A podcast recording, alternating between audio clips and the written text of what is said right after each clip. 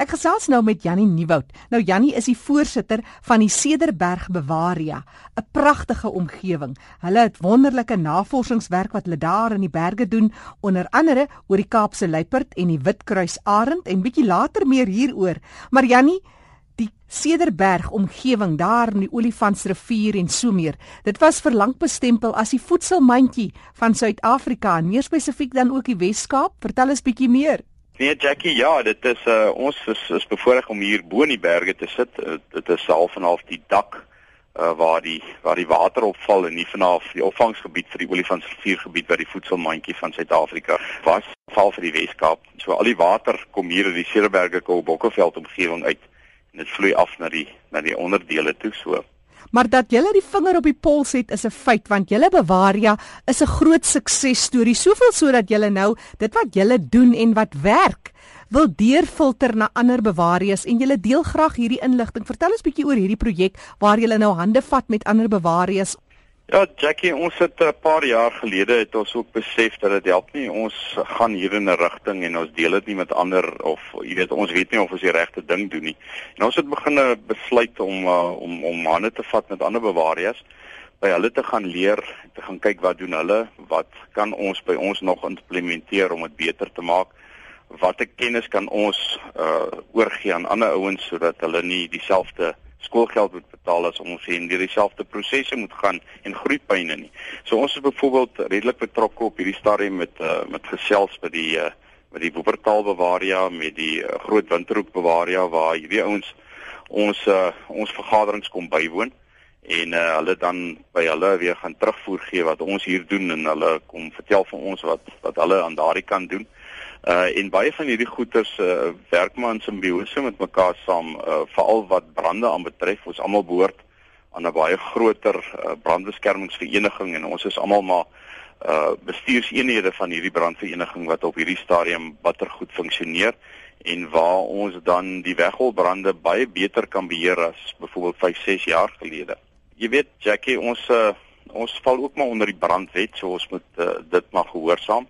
Maar ek dink op hierdie stadium waar dit uh, waar dit redelik goed ge, gebestuur uh, deur ons brandbeskermingsvereniging. Uh, ons is op uh, op ons is uh, op 'n stadium waar waar brande eerder voorkom word as wat ons uh, as wat brande uh, weghardloop en dit later so groot areas bedreig en en boorde en en en ekonomiese plekke bedreig. So ja, definitief, uh, dit word baie beter bestuur as in die verlede. Maar praat nou so van julle suksesse en hoe julle dat julle inligting deurgee. Julle is ook genader en julle het 'n interessante program daar, die Cape Leopard Trust, waar julle kyk na die bewaring van sekere roofvoëls. Vertel ons meer oor die projek.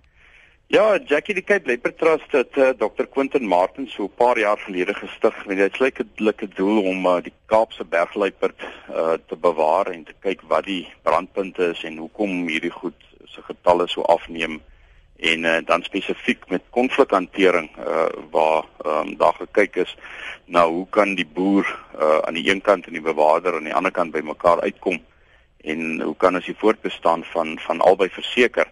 En uh, onder die Cape Leopard Trust uh, het uh, dan natuurlik nou in die afgelope tyd uh, het ons ons siening in die omgewing baie verander. Uh, ek kan spesifiek getuig daarvan dat hier uh, groot uh, boere is wat uh, of boere wat met groot vee boer en wat uh, byvoorbeeld groot stoet boere is wat ingekoop het in die program in en uh, wat oor tyd uh, dan natuurlik nou ook hulle gesindheid rondom hierdie goed baie verander het en met groot suksesse waar hulle Anatoliese skaapwagters honde begine gebruik het en waar die populasie van die luiperd snaaks genoeg nie vreeslik opgekom het nie omdat hulle maar gebiedsgebonde is en uh, omdat hulle self hulle eie getalle beheer en en en andersins as wat ons in die verlede gedink het.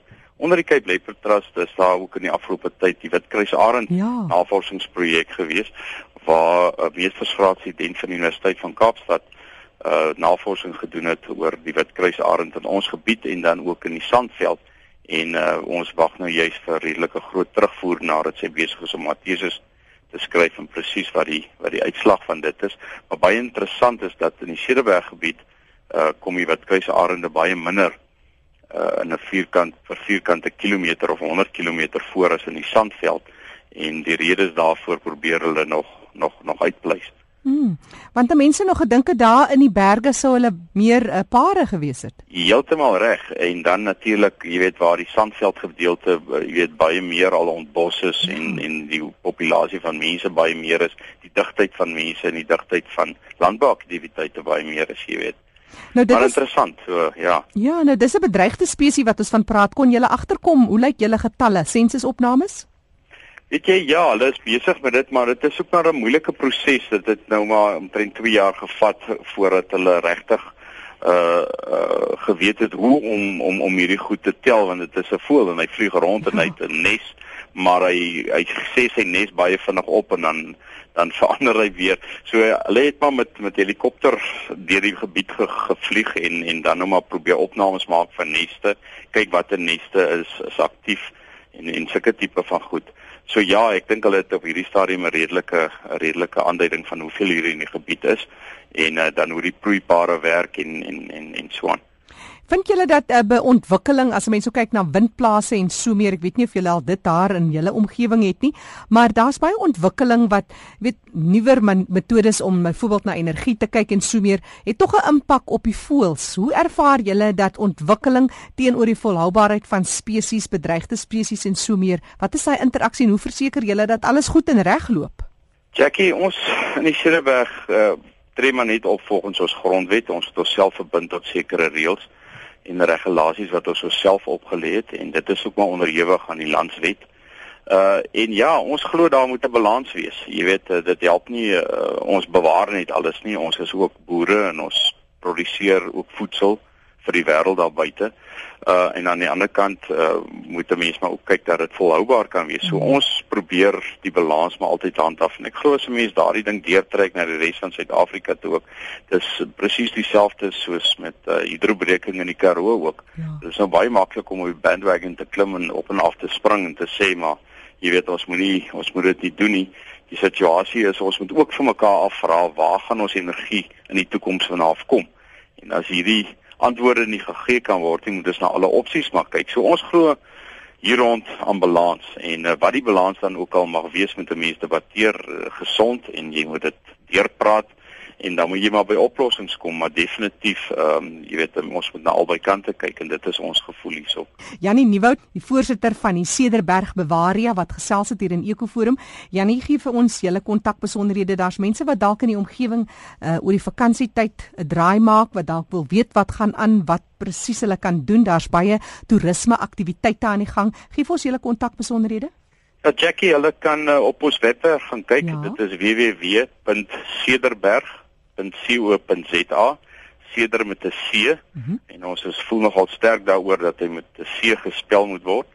Ehm uh, en dan kan hulle daar sien uh jy weet al die toerisme fasiliteite, al die toerisme plase het uh, het ook vensters daar. So hulle kan op dit klik en daar's alle tariewe, daar's alle voetslaampaaie, daar's alle kampplekke, daar's daar's honderde inligting vir vir besoekers aan die gebied. Net weer hy webtuiste. Dis Jannie Nieuwoud wat gesels het. Dis www.cederberg.co.za. Daar sê. En hy Cederberg met 'n C, so dis www.cederberg.co.za. Jannie is die voorsitter van die Cederberg Bewaria.